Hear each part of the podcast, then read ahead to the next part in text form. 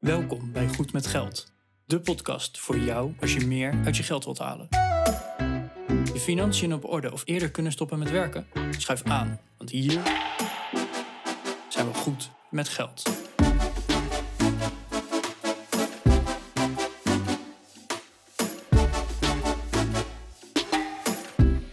aflevering 157 van de Goed met Geld podcast.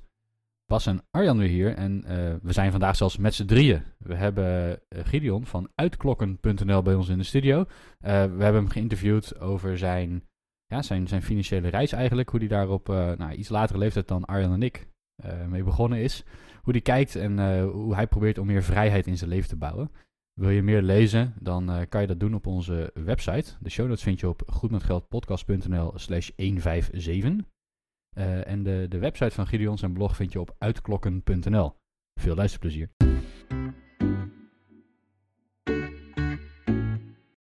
Goedemorgen Arjan. Hey, goedemorgen Bas. Hey Bas, wij zijn niet alleen vandaag. We zijn met z'n drieën. En ja, ik, ik heb er al zin in. Wij, toen wij onze podcast begonnen, hebben we heel veel gasten gehad die een finance blog hebben. Of hadden, of hoe je dat zegt. En vandaag hebben we ook iemand die zijn eigen finance blog heeft. Nou, hij mag zichzelf straks gaan introduceren. Maar op zijn website staat: Ik ben 40 en spreek meer computertalen dan daadwerkelijke talen. Dus ja, welkom in de studio, Gideon van uitklokken.nl. Goedemorgen. Goedemorgen. Ja, je, iets met computertalen en je hebt een finance blog. Misschien is het even goed voor onze luisteraar om je, je kort even te introduceren. Wie ben je? Wat doe je? Uh, waar woon je? Waar kom je vandaan? Verzin het maar. Oké, okay. Nou ja, ik ben, uh, ik ben Gideon. Uh, ik ben IT-manager in de softwareontwikkeling. Dus inderdaad, computertalen. Hè. meestal spre spreek ik Java. En ook nog wel wat Python, Scala, Perl, als je een oude taal wil hebben in computerland. Um, en ik heb een grote interesse voor ja, finance. Dus een uh, jaar of twee geleden ben ik begonnen met bloggen. Gewoon omdat ik mijn eigen weg van hoe ik dingen uitzoek beter doe als ik het opschrijf dus ik heb het vooral voor mezelf, ben ik gaan bloggen, omdat ik dan een bepaalde structuur kan aanbrengen in mijn, uh, in mijn, in mijn finance. Eigenlijk net zo'n beetje als uh, programmeren. Hè. Zet het neer, maak een structuur en vul daarna de, de onduidelijke gaatjes in. Ja. Nou, dat is eigenlijk, uh, eigenlijk ook hoe ik mijn blogpost maak en hoe ik mijn finance beschouw. Oh, ik vind het eigenlijk meteen al heel interessant dat je dus niet bent begonnen met bloggen van ik vind dat anderen het niet handig doen of ik denk dat ik het heel veel beter kan. Uh, maar eigenlijk zeg je, ik ben het vooral gaan doen om mezelf erin uh, te ondersteunen. Ja, klopt. Ah, dat vind ik wel een hele gave insteek. Hey, en je blogt nu zo'n uh, zo'n twee jaar. Daarvoor was je al bezig met je persoonlijke financiën, neem ik aan, of niet? Uiteraard. Is dat iets wat er al heel lang in zit? Ja, dat valt eigenlijk wel mee. Ik ben, denk ik, maar sinds een jaar of tien ben ik daar actief mee bezig. ik ben nu 45, dus vanaf mijn 35e. Dus ik zou, uh, ik, ik was er op jullie leeftijd, was ik er bij wijze van spreken nog niet zo mee bezig. Dus ik ben redelijk laat begonnen met uh, interesse in, uh, in finance. En hoe is dat ontwikkeld? Waar, waar is dat uit ontstaan? het begon eigenlijk met het aangaan van een hypotheek. Ja, dat is een hele grote financiële beslissing en die had ik relatief laat in mijn leven genomen. Dus daar ben ik in 2007, dus 15 jaar geleden nu, ja. heb ik, uh, ben ik voor het eerst begonnen met een hypotheek aanvragen. En dat was een beleggingshypotheek, want daar kreeg ik een staartje met allemaal fantastische rendementen gepresenteerd. Ja. Nou, we weten wat er de afgelopen 15 jaar is gebeurd. Dus dat, uh, dat heeft me eigenlijk wel een beetje de ogen geopend van, hey, ik ben hier gewoon ingestapt. Ik heb een verhaal gekregen. En dat is, dat, dat is allemaal niet uh, goed. Uh, dat heeft niet zo goed gelopen. En ik heb nog wel een andere financiële fout gemaakt in mijn leven. Waarvan ik achteraf denk van, nou ja, als ik me gewoon wat meer erin had verdiept. Zoals eigenlijk iedereen zou moeten. Ja. Dan was dit allemaal niet gebeurd. En toen is er bij mij de knop omgegaan. En heb ik gezegd van, oké, okay, nu ga ik me daar, uh, ga ik me daar in, uh, in inlezen, uh, investeren ook tijd. En dat kwam heel mooi samen met dat ik op dat moment ook meer ging verdienen. Dus toen had ik ook de ruimte om daar meer mee te doen. Want als je weinig verdient, dan kan je nog wel uh, alles, alles heel goed bedenken. Maar als er geen ruimte is voor het maken van slimme financiële beslissingen, dan heb je eigenlijk ook daar niet zoveel aan.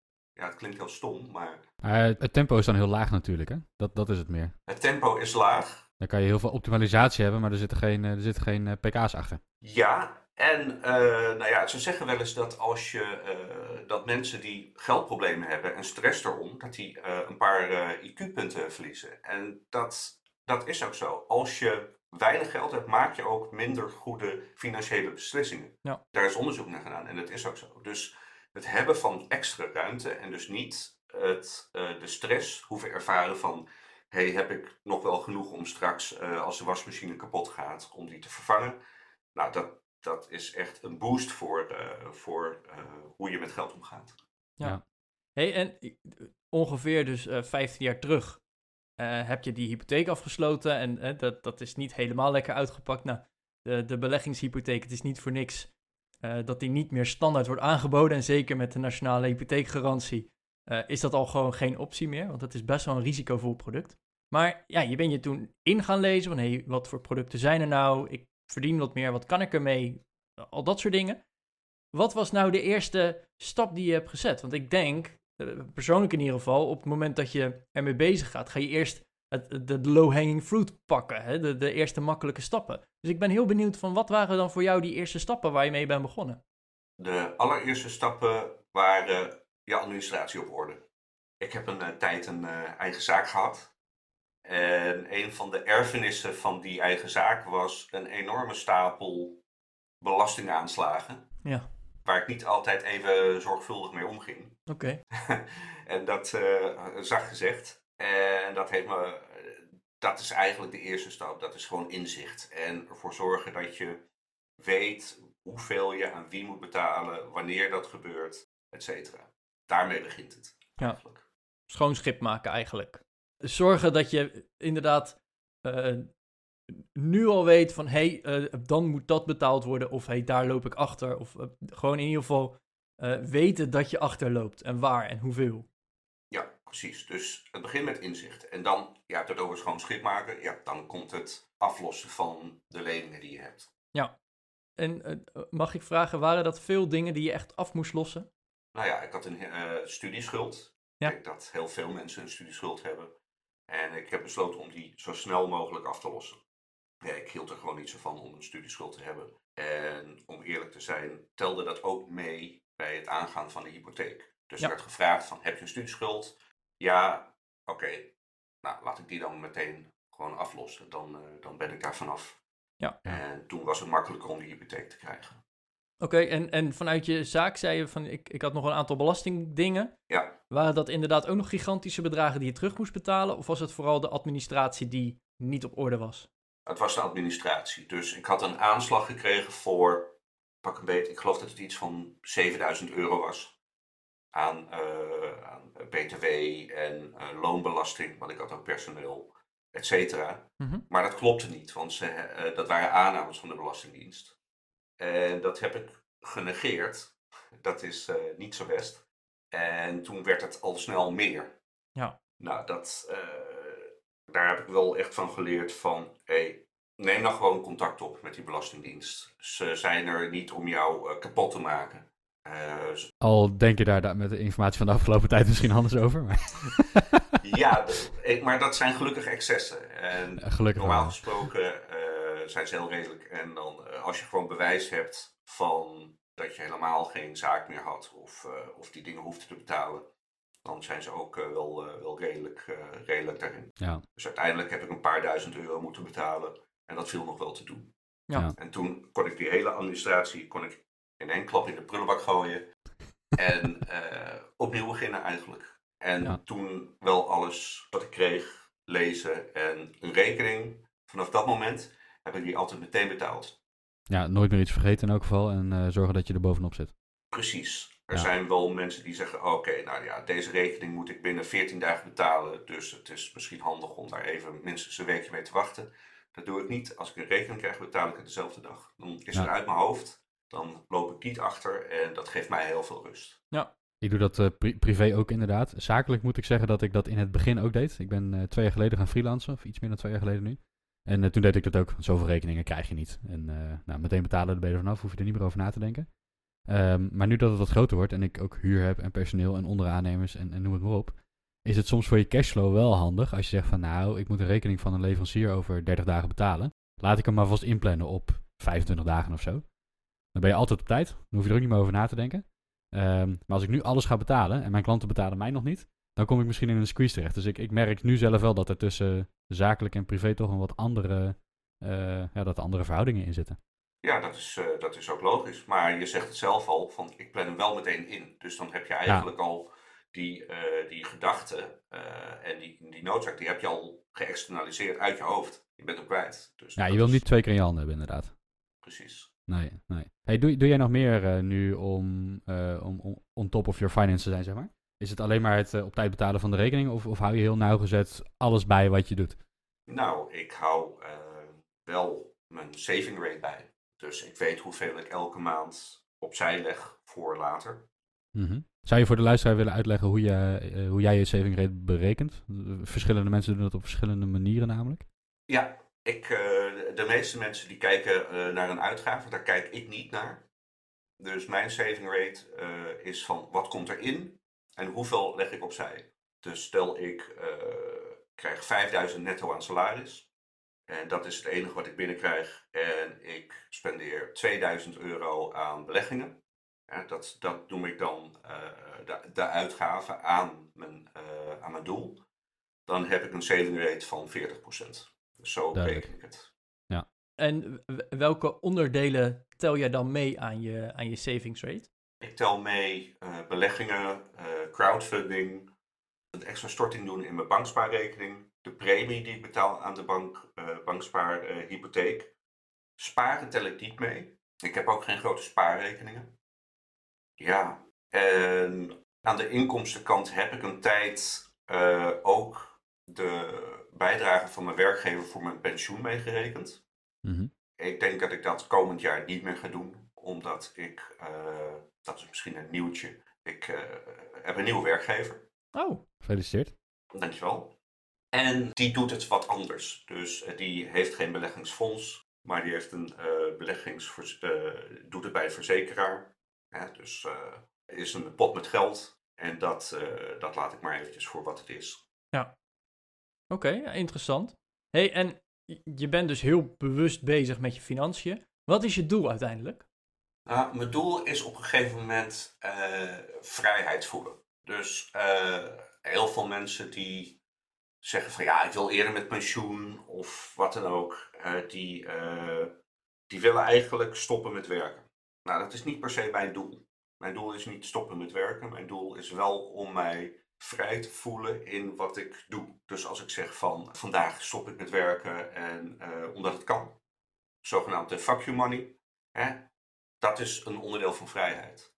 Maar er is een groot verschil tussen vrijheid op papier. Hè? Ik heb genoeg geld om jaren niet te hoeven werken. Dus Mhm. dat fuck you money, dat heb ik wel. Maar het voelt niet zo.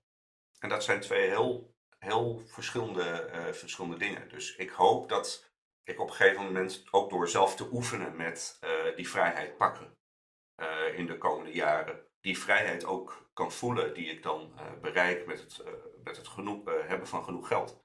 En dan inderdaad kan zeggen, nou, laat ik nu eens iets gaan doen waar ik in eerste instantie geen geld mee verdien, maar die ik gewoon heel erg tof vind. Want ja, het, het, het leven, dat is op een gegeven moment is dat over.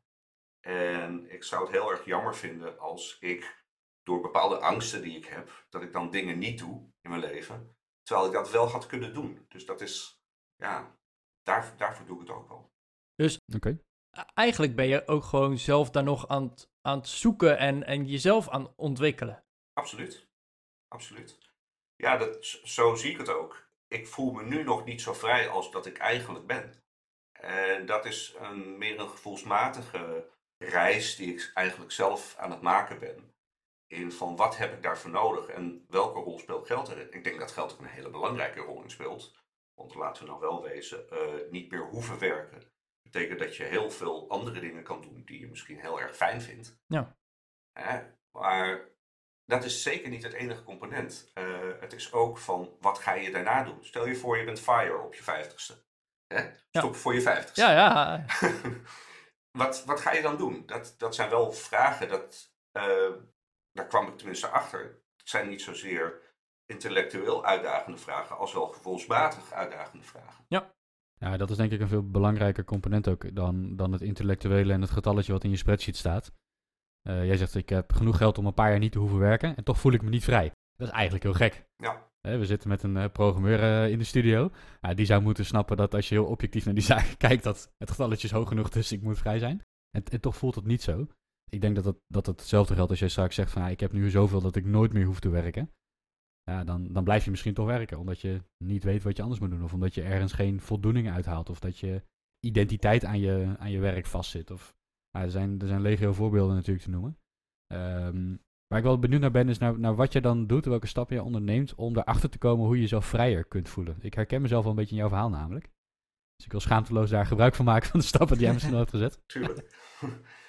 wat ik daarvoor doe, ja. Um, ja, dat, dat, dat zijn lastige stappen. Het zijn heel veel uh, gedachteprocessen eigenlijk. Hè? Dus uh, sowieso dat ik nu een andere werkgever uh, heb. En die werkgever niet heb gekozen op basis van geld. Dus ik ga minder verdienen. Mm -hmm. dat is er denk ik al één. Ja. En ik ga ook kijken hoe dat voelt. Hè? Van, ja, straks als ik mijn eerste loonstrookje krijg, dat zal eind maart zijn. En ik zie dat er minder op staat. Ja, wat, wat, wat doet dat met mij? Eh, voelt dat dan goed of voelt dat dan niet goed? Ehm, nou, dat is de eerste stap. En waar ik verder uh, dit jaar, denk ik, wel naar wil kijken, is toch van. Ik heb het al zo lang over bijvoorbeeld voor mezelf beginnen. Ja, wat zou dat, zou dat toch niet iets voor me zijn? Maar waarom ben ik, waarom, wat houdt me tegen? Waarom ben ik daar bang voor? En dat zijn vragen die ik nog niet goed heb beantwoord, maar dat, zijn wel, dat is denk ik de volgende stap in, uh, ja, in, het voelen van vrijheid en van wat ik eigenlijk wil. Dat, dat, het zit heel erg uh, op, uh, op het vlak van purpose. Wat wil je in het leven? Waarvoor ben ik hier? En dat is een soort jeuk, die wil je een beetje wegkrabben. Maar ja, dan, dan moet je wel weten waar die jeuk zit precies. Ja, ik, ik vind het wel een hele mooie gedachtegang inderdaad. En ik snap je angsten ook. Want het, het is ook gewoon heel eng. Want hè, uiteindelijk, als je fulltime werkt, is het 40 van de 168 uur werk je voor die werkgever. Dat is al 25% van je tijd. Uh, maar dat hoort ook bij je identiteit. Het hoort ook bij je sociale omgeving. Het hoort bij je ritme. Het hoort bij, bij je zekerheden. Want hè, je inkomsten is weer een stukje zekerheid. Dus ik snap inderdaad wel dat het zoeken naar die vrijheid dat dat veel meer is dan van, joh, ik hoef even niet te werken. Dus ik, ja, ik, ik snap het wel. Ja, ja precies. Mensen die uh, fire zijn, ja, soms spreek je wel eens eentje op bijvoorbeeld een, uh, een uh, Slack-groep of een discussiegroep. En dan soms hoor ik van, ja, maar ik kan er met niemand over praten, want al mijn vrienden die werken. Ja. Hè? En de hele sociale interactie tussen mensen is voor een heel erg groot gedeelte gebaseerd op werken. Ja. Dus als dat voor jou niet belangrijk is, dan mis je een hele grote sociale component. En dat is al zeker heel erg belangrijk. Hè, dan, uh, dat is veel belangrijker dan, uh, dan of je wel of niet werkt. Dus ja. dat, is, dat is wel iets om, ja, om voor jezelf dan een invulling aan te geven. En dan heb je nog eens een, een volgende stap, het hebben over geld. Hè, want dat is dan wel een passie van je. Want als je fire bent, dat, hè, dan heb je of echt gigantisch goed geld gemaakt, of je hebt gewoon slimme stappen gezet. Maar geld, daar rust ook gewoon nog steeds een taboe op. Uh, dus daar heb je het ook niet zomaar met iedereen over. Dus dat maakt het dan ook nog eens een stap lastiger, denk ik. Ja, absoluut. Mijn beste vrienden die weten uh, wel dat ik, uh, dat ik ook blog en dat ik, dat ik daarmee bezig ben. Die lezen ook af en toe mijn blog. Maar ja, als ik ze dan erover spreek, dan, is het, dan zit er toch altijd een soort lading achter. Ik kan het niet precies duiden. Zelfs al accepteren ze helemaal dat je, dat je ermee bezig bent. Ik denk dat het ook heel erg bij die mensen zelf zit. Ze, ze, zien alleen het resultaat van jouw keuzes en, en misschien niet de keuze zelf. Als je je blog leest, dan, dan zie je iets over je, hoeveel je kunt sparen en wat je belegt enzovoorts. Maar, maar niet over hoe jouw, ehm, eh, die, die, die kleine dagelijkse dingen die je doet om daar te komen, eh, die, die zijn eigenlijk veel belangrijker. En dat, dat ik misschien wat onbegrip. Van kijk hem eens met zijn dikke inkomen, met zijn beleggingsportefeuille, met zijn grote huis, noem het maar op. Ja, maar wat doe je om, om daar te komen dan? Ja, nou dat grote huis dat valt wel mee, want dat is bijvoorbeeld een van de keuzes die je maakt. Ja, ja precies, maar... Zij hebben een heel mooi groot huis, maar ook een gigantisch dure hypotheek waarschijnlijk daarbij, uh, waardoor je er alleen al het geld daaraan opgaat al bijna. Ja, dat gebeurt, ja. Ja, oké. hey, maar uh, ja, de, heel langzaam hebben we het al over de reis er naartoe. Hè? Want ja, wat, welke stappen zet je ervoor? En eigenlijk op jouw blog schrijf je ook van, het is niet alleen het doel, het is ook de reis er naartoe. Je gaf er net al aan, hè, het is ook voor mijn eigen ontwikkeling. een stukje ja, bijna overdenking van hé, hey, als ik het nou zo doe en wie weet komt er een extra sparkle dan ook omhoog tijdens het schrijven. Wat zijn nou bepaalde onderdelen in jouw reis die jij heel belangrijk vindt? Of die je heel uitdagend vindt? Ik denk het belangrijkste is dat ik dingen goed uitzoek voor mezelf. Dus er uiteindelijk achterkom van dat bijvoorbeeld ik heb, een, ik heb een idee over wat een goede investering zou kunnen zijn. En dan schrijf ik daarover. En dan uh, tijdens het uitzoeken kom ik erachter dat dat misschien wel niet zo is. Ja, dat is een concreet onderdeel van, van die reis. Dat is ook van dat je je aannames test. Ja. Uh, uh, random stranger op de internet vindt dit. Uh, ja, dat kan wel, maar als je het niet zelf uitrekent, dan weet je het niet. Ja. ja. en ook wat, er, wat ik zelf ervaar is dat wat ik interessant vind, dat vindt, vindt echt niet iedereen interessant bepaalde dingen op mijn blog, daar krijg ik nooit reacties op. En sommige wel. En dat vind ik wel grappig, want meestal waar ik wel reacties op krijg, dat zijn eigenlijk de wat saaiere dingen. de dingen die wat meer voor de hand liggen. Bijvoorbeeld hypotheken doen het altijd supergoed. Ja. Ja, nou ja, als er iets saai is, dan is het een hypotheek. Maar dat is wel iets waar heel veel mensen mee te maken hebben. Dus dat is misschien wel wat, meer, wat makkelijker te relateren. Aan je, als lezer aan je eigen situatie. Oh, ongetwijfeld. Uh, maar als ik dan kijk naar wat voor mensen verwacht ik die reageren op mijn blog, is dat misschien weer niet zo. Nou ja. Dus ja, maar dat zijn dingen die erg tot de verbeelding spreken, denk ik. Ja. ja. En, sommige andere dingen waar, uh, waar ik mee bezig ben, uh, bijvoorbeeld uh, echt wat complexere berekeningen van wat het voor- of nadeel is van bijvoorbeeld gespreid betalen. Ja, daar krijg ik nooit reacties op. Dat is te abstract, denk ik. Ja. Ja, en, en misschien ook dat mensen denken, ja, wat maakt het mij nou uit? Uh, hè, gewoon de makkelijke keuze maken en daar geen energie in willen stoppen misschien wel. Ja. Dat, uh, dat zou er ook kunnen. hey, en ja, waar wij heel erg geïnteresseerd in zijn, zijn jouw groene beleggingen. Want jij hebt ook een aantal uh, groenere beleggingen, of groene beleggingen, ik weet niet hoe ze gekwalificeerd worden. Zou je daar wat over kunnen vertellen? Ja, daar kan ik zeker over vertellen. dat zijn zogenaamde fiscale groenfondsen. En ik heb die in de vorm van uh, Meewind. Uh, Meewind is een bedrijf dat, uh, ja, dat geldt als platform voor het investeren in groene energie. Mm -hmm. okay. veel, veel windmolenparken hebben ze in het verleden gedaan. Daarmee begonnen ze eigenlijk. daar komt ook de naam vandaan. maar ze doen eigenlijk veel meer, veel meer dan dat. En dat heb ik eigenlijk gedaan als aanvulling op mijn portefeuille. Want ik hou van spreiden. Dus hoe meer ik kan spreiden, hoe veiliger het is op de lange termijn. Want het risico neemt af. Ja. Mm -hmm.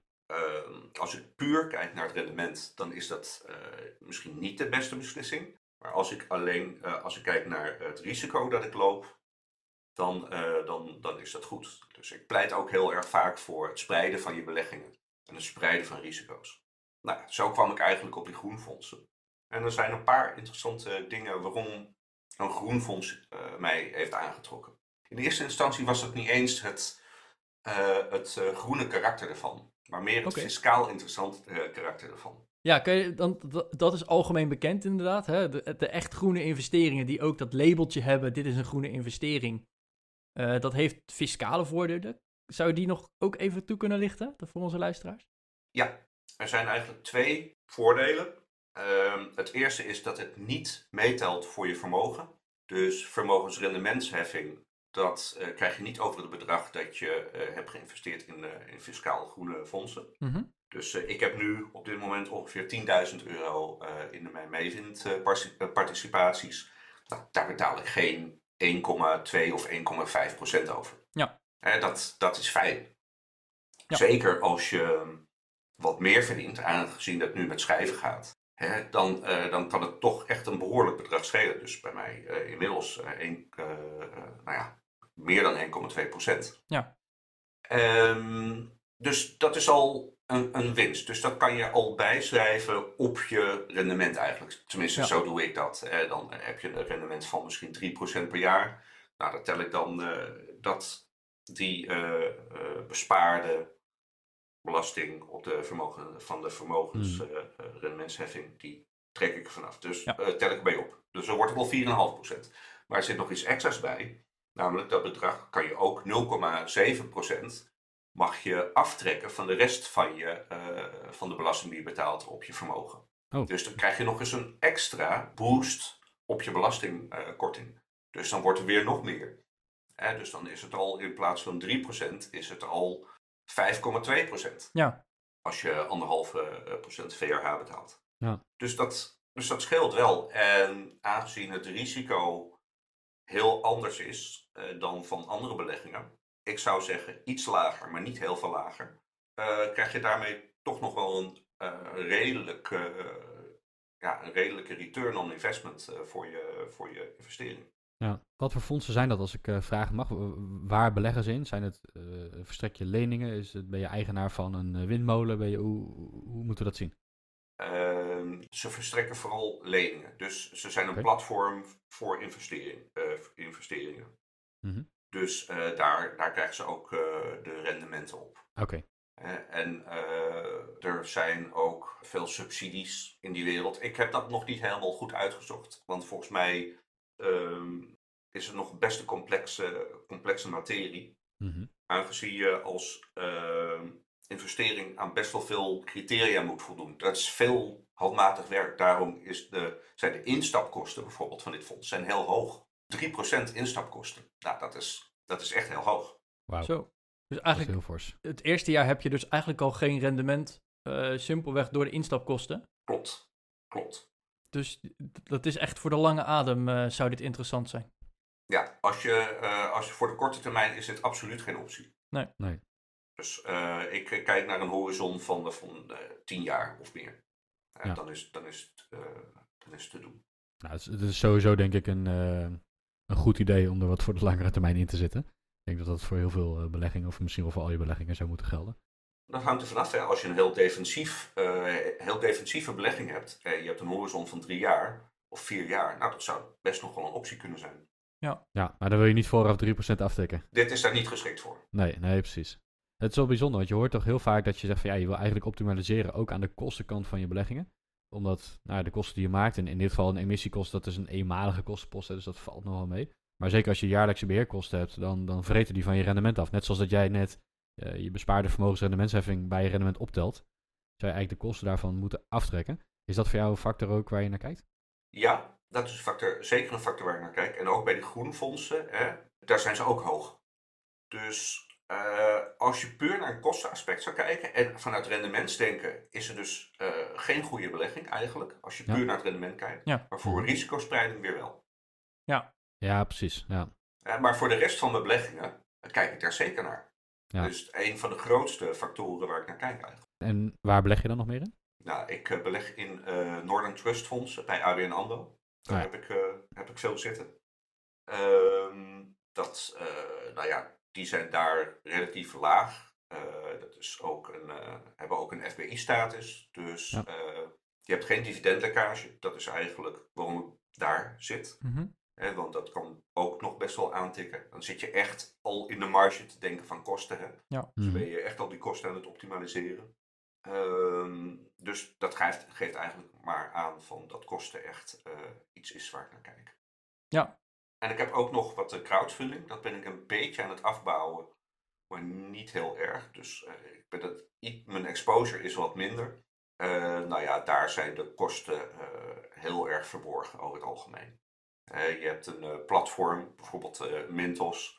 En die hebben dan weer loan originators, dan de leningverstrekkers. En daar wordt het eigenlijk al een beetje shady, want daar heb je eigenlijk geen inzichten in van hun kostenstructuur, hun, organisatiestructuur.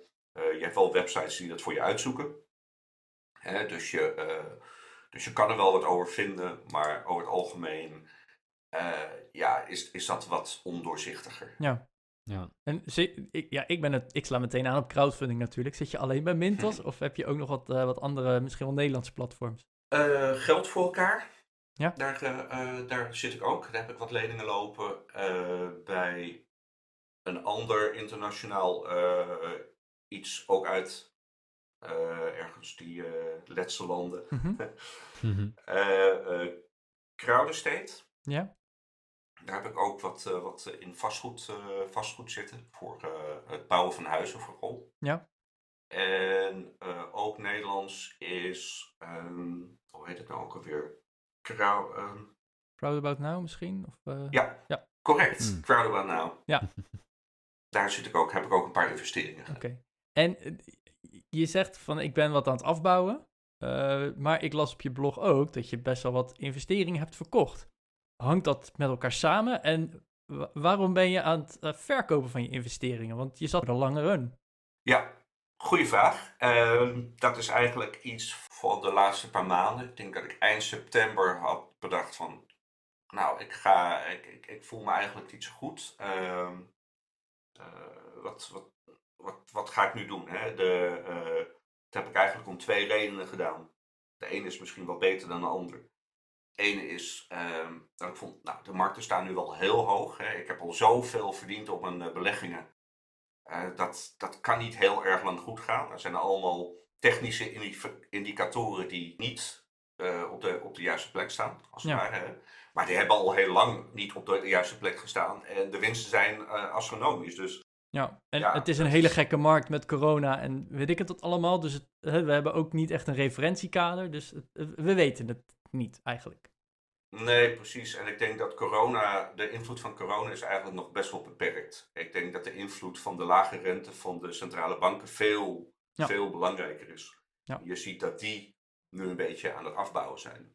Hè, dus eh, tenminste in gedachten. Klaas Knot had het erover. Nou ja, in, in maart moet het wel een beetje gaan gebeuren. Mhm.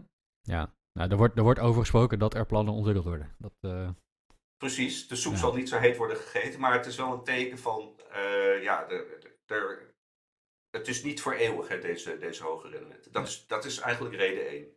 Maar reden 2 is eigenlijk veel belangrijker. En dat is, ja, ik, ik voelde me al een beetje eh, niet zo goed op mijn plek. Ik heb natuurlijk eh, afgelopen jaar, heb ik niet zo goed in mijn vel gezeten. En ik was ook bezig met het het zoeken van een, naar een nieuwe baan. Ja. En ik wist niet hoe dat eh, zou gaan worden.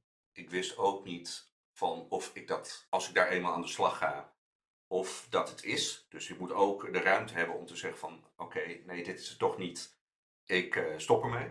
mhm. Eigenlijk had ik eh, in, in de persoonlijke sfeer had ik heel veel onzekerheid. Dus dat is eigenlijk de reden waarom ik wat heb verkocht. En dat is de hoofdreden. eh, naast die andere reden. Eh, gewoon eh, om mezelf wat veiliger te voelen. Hè. Meestal als je, als je jezelf wat onveilig voelt, dan zoek je wat veiligheid in andere dingen. En in Ja. mijn geval is dat dan eh, risico afbouwen van mijn portefeuille. Want ik Ja. heb het eh, wel ergens gestold, niet in cash. Maar ik heb, het, eh, ik heb wat goud aangekocht. Ah ja. Ja, dat is wat, eh, wat waardevaster in ieder geval in, eh, in vergelijking met aandelen. Ja, het is, eh, in ieder geval is het inflatie eh, gecorrigeerd. Dus dat, eh, oké, dus eigenlijk zeg je, eh, ik zoek nog steeds naar de vrijheid. En op, in cijfers heb ik al behoorlijk wat vrijheid, maar ik voel het nog niet. Maar omdat je in je persoonlijke omgeving bent gaan veranderen, ben je eigenlijk wel die zekerheid voor vrijheid wat, wat gaan ja, verzekeren eigenlijk. Door dingen te verkopen en op een andere manier de buffer aan te vullen. Dat je wel die vrijheid hebt. Dus je bent daar wel een soort van aan het corrigeren geweest. Ja, nu je dat zo zegt, klopt dat ja. Ja. Dat denk ik wel.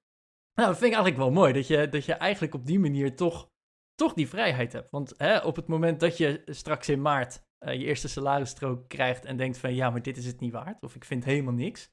Dan heb je wel die vrijheid om dat te doen. Ja, dat klopt. En dat, eh, dat, dat is wel fijn. Maar bijvoorbeeld in mijn vorige baan, daar heb ik eh, negen jaar gewerkt. En eh, ja, daar had ik de- die neiging dus bijvoorbeeld helemaal niet. Want dat was heel steady. Ja. Dus Hmm. dat was helemaal geen factor van onrust voor mij. Nee. Nee, en dat, dat is denk ik van belang. hè, Dat als je, dat je, als je onrust ervaart, moet je ergens anders de rust opzoeken. Op het moment dat je een hele steady eh, baan hebt of heel steady inkomen en privé eh, gaat alles goed, dan kan je het je permitteren om eh, wat scherper aan de wind te zeilen. Ik heb dat ook een hele tijd gedaan. Eh, dat je echt eh, met een minimale buffer al je inkomen maximaal gaan beleggen. En dat, dat gaat heel goed, tot je wat meer risico's gaat nemen. Ja, dan, dan ga je wat meer zekerheid opzoeken, wil je misschien wat meer cash aanhouden. En naast dat je goud hebt aangekocht, hou jij nog actief ook meer cash aan nu? Vind ik in het licht van de, van de huidige inflatie misschien wel een interessant onderwerp. Nou, eigenlijk eh, heb ik nooit veel cash aangehouden. Nee. Als ik het nu zie, zou ik denk ik twee maanden kunnen uitzingen met mijn, eh, met mijn cashbuffer. En dan hou ik al rekening met dat ik, een, eh, dat ik sowieso een maand tussen de twee banen even vrij neem. Ah, Dus ja. eigenlijk heb ik maar iets van één, één maand buffer. En dat vind ik eigenlijk wel genoeg. Ja. Dus ik ben ook niet zo van het, eh, van het cash aanhouden. Nee, dat is vrij mager inderdaad. Daarentegen, mijn vriendin die is heel erg van de zekerheid. Dus die heeft Hmm. heel veel cash. Dus mocht de nood aan de man zijn, dan is er genoeg cash om, eh, om, eh, om te gebruiken. Zo zie ik het ook, maar ik zie haar als een beetje als de buffer eh, voor, voor mijn risico. Zie- ziet ze jou ook als de, de rendementsgenerator met al je beleggingen dan? Of, eh? ja, nou, dat, dat, dat weet ik niet. Dat dat, zou wel eerlijker zijn misschien. dat is misschien nog een goede gelddate waard eh, op, de- op deze manier. Ja, nou, volgens Ja. mij laat ze mij een beetje eh, naar gang. Oké, nou, ehm, Gideon, ja, super tof. Eh, ik, ik denk in ieder geval dat je onze luisteraars toch weer een, een stukje inzicht hebt kunnen geven in jouw visie op, op bepaalde dingen. Ik vond het echt een eh, ja, hele interessante materie die je noemde. Maar eh, zoals bij elke aflevering met een gast eh, willen we jou ook de vijf vragen stellen. Ehm, hè, want ja, dan ben je gewoon even het leidend voorwerp. Dus dat doen we nu ook. Zeker. En we hadden het al een beetje over financiële blunders in deze aflevering, maar toch vragen we je nog een keer: wat is jouw grootste financiële blunder? Ja, mijn grootste financiële blunder is denk ik wel die onderneming die ik, eh, die ik ben aangegaan. En die onderneming heb ik eigenlijk overgenomen van, eh, van de goede kennissen. En ik heb ze eigenlijk op een blauwe ogen vertrouwd van dat alles goed zat. Maar dat was niet zo. Hmm. Dus dat is wel echt een hele grote en dure les voor mij geweest. Ja. Ja, dat je in, in de zaken moet je dat gewoon heel erg zakelijk houden en, en vooral je eigen onderzoek doen. Ja. Eh, dat, eh, dat heeft me gewoon heel veel geld gekost uiteindelijk. Dus dat was echt de grootste financiële blunder, is gewoon iemand vertrouwen als het om veel geld gaat. Oké. Goeie tip. Wat kan je nu dat je vijf jaar geleden had willen kunnen? Nou, ik ben eh, me nu wel meer bewust van, eh, van mezelf, mijn- motivaties. Misschien ook wel mijn, eh, mijn gevoel. Eh, dat gevoel dat is heel erg eh, leidend in waar je eigenlijk naartoe gaat. Hè? Eh, je verstand kan je dan heel goed helpen bij hoe je daar komt. Mhm. En ik had vijf jaar geleden had ik wel meer mijn, eh, mijn gevoel toe kunnen laten. Denk ik nu achteraf. Eh, dus dat, had ik, dat inzicht had ik vijf jaar geleden wel willen hebben. Oké. Ehm, ik, ik sneak er even een vraag tussendoor hoor, maar je gevoel, wij roepen ook wel eens van joh, blijf bij je strategie. In hoeverre heeft gevoel dan invloed op je strategie en, en hoe heen en weer schiet dat? Nou, je kan het, eh, je kan het zo zien. Hè? Van, ehm, het doel van je reis, dat moet vanuit je gevoel komen. Bijvoorbeeld als je zegt van, ik stop met werken. Ja, dat, dat, is, dat, is, geen, dat is geen doel. Hè, dat is ook maar onderdeel van de reis naar een ander doel. Ja. Want misschien wil je, eh, wil je wel heel vrij voelen, in mijn, eh, zoals in mijn geval. Ja. Of eh, heb je echt een eh, enorme hekel aan werken en wil je nooit meer werken? Ja, dan is minder werken is eigenlijk het doel. Maar dat kan, kan je ook weer op verschillende manieren doen. Hè, dus dat blijkt bij je strategie.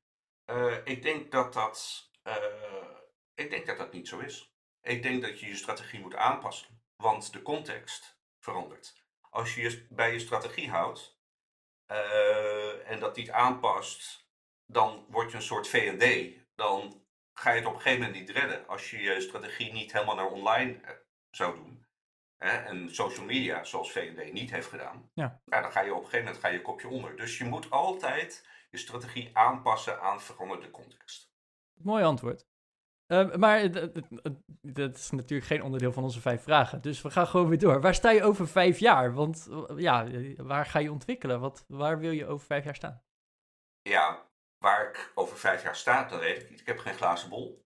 Maar mijn doel is eh, me wat vrijer te voelen. En daar doe ik dus nu eh, wat, eh, wat, zoals ik al zei, doe ik daar wat experimenten in van kijken of ik dat kan bereiken. Dus ik hoop me vrijer te voelen. Misschien is dat wel in de vorm van, van ja, weer het ondernemerschap op, opzoeken. Daar zit ik dus nog steeds mee, mee te spelen in mijn hoofd. Maar dat, dat weet ik niet. Eh, kijk, dus eh, dat zal ik dan ook misschien wel eh, met de wetenschappelijke methode hè, een hypothese opstellen, uit, uitproberen en kijken of dat dichter bij het doel brengt of niet. Ja. Hè, zou, ik dat, zou, zou ik daar naartoe kunnen gaan? Maar dat, dat is in ieder geval het doel. Dus dat verwacht ik ook wel dat ik over vijf jaar mezelf vrijer voel. Oké. En welke bron van informatie zouden de luisteraars moeten kennen volgens jou? Nou, eh, een hele belangrijke bron is eh, de site van de Belastingdienst. Ik maak geen grapje. eh, het is een verschrikkelijke site af en toe. Ja. Maar hij is zeer, zeer nuttig voor alle uitzonderingen. Alle regeltjes, alle drempels, alle, alle bedragen waar je mee te maken krijgt bij het doen van belastingaangifte. Ja. En bij het eh, opzoeken van voordeeltjes. Nou ja, Dus bijvoorbeeld die 0,7%, dat staat gewoon op de site van de Belastingdienst. Dat is eh, dus een reden om eh, te zeggen van oké, eh, met deze cijfers kan ik werken en kan ik rekenen. Maar dat, is- dat, is, dat is maar één voorbeeld. Eh, je kan de erfbelasting tot op de cent rekenen. En dan kan je kijken van, hey, hoe kan ik dat voor mijn eigen kinderen straks eh, eh, goed, goed regelen? Ja. Eh, dat ik net onder die drempels kom en ne- net wat minder belasting betaal. En, eh, dus daar, dat is echt een bron van informatie. Eh, en in het verlengde daarvan ook toeslagen. Kijk gewoon of je recht hebt op toeslagen. Hè, het zal je verbazen hoeveel mensen toeslagen laten liggen terwijl ze daar gewoon recht op hebben. Ja. Doe dat nou gewoon. Ga er gewoon een keertje doorheen. En ja, dat, dat scheelt gewoon geld. Nou, goede tip. En de laatste vraag. Ja, wat is jouw advies, Gideon? Eh, als een luisteraar zegt van... hé, hey, ik luister nu voor de eerste keer... of ik luister misschien wel voor de honderdste keer... en ik wil mezelf op financieel gebied ook gaan ontwikkelen. Nou ja, blijf leren. Hè? Eh, ontwikkeling is leren. En blijf leren door zelf dingen uit te zoeken. Dus neem vooral niet van anderen aan wat ze zeggen van wat je moet doen. En kijk naar hoe andere de mensen bijvoorbeeld dingen berekenen op blogs of, eh, of wat mensen vertellen hier eh, in deze podcast. Maar doe die berekeningen vooral voor jezelf. Hè? Als je dat niet doet, dan, eh, ja, dan weet je nooit of, je of, of dat in jouw situatie is. Dus ja, wees niet bang om eens een keertje wat uit te proberen en kijk of het werkt voor jou. Gaat het experiment aan en probeer ervan te leren. En dat geeft je alleen maar meer informatie en een betere basis om straks betere beslissingen te maken. Een hele mooie tip. heel goed. Ja. hey, ehm, ja, dank voor al je informatie, wijsheid en, eh, en meningen. Graag gedaan. Mochten onze luisteraars nou denken... hey, die Gideon, die wil ik even opzoeken... die wil ik contacten of eh, wat dan ook. Waar kunnen ze je vinden? Ze kunnen me vinden op eh, mijn blog uitklokken.nl. Kijk. Nou, dat is vrij eh, duidelijk. Ja, en daar staat natuurlijk ook gewoon een contactformuliertje... dat je even een berichtje kan sturen. Dus Nou ja, geen formulier. Een, eh, mijn e-mailadres staat daar. je e-mail, oké. Oh, kijk eens. Nou, als je heel graag gespamd wil worden, dan eh, bij deze. Dan komt het van onze luisteraars. Ehm, eh, dank. En eh, beste luisteraar, ook weer dank voor het luisteren. Eh, vond je dit leuk? Eh, ja, deel het, geef sterren, eh, like en ja, volg ons. Want hè, op die manier laat je ook alle podcastplayers weten dat je ons interessant vindt. En eh, ja, daar- daardoor worden wij in de ratings ook weer omhoog gepusht naar anderen, zodat wij nog meer mensen nog beter met geld kunnen maken. En eh, dus dank voor het luisteren en ja, wij zijn er volgende week. Tot volgende week.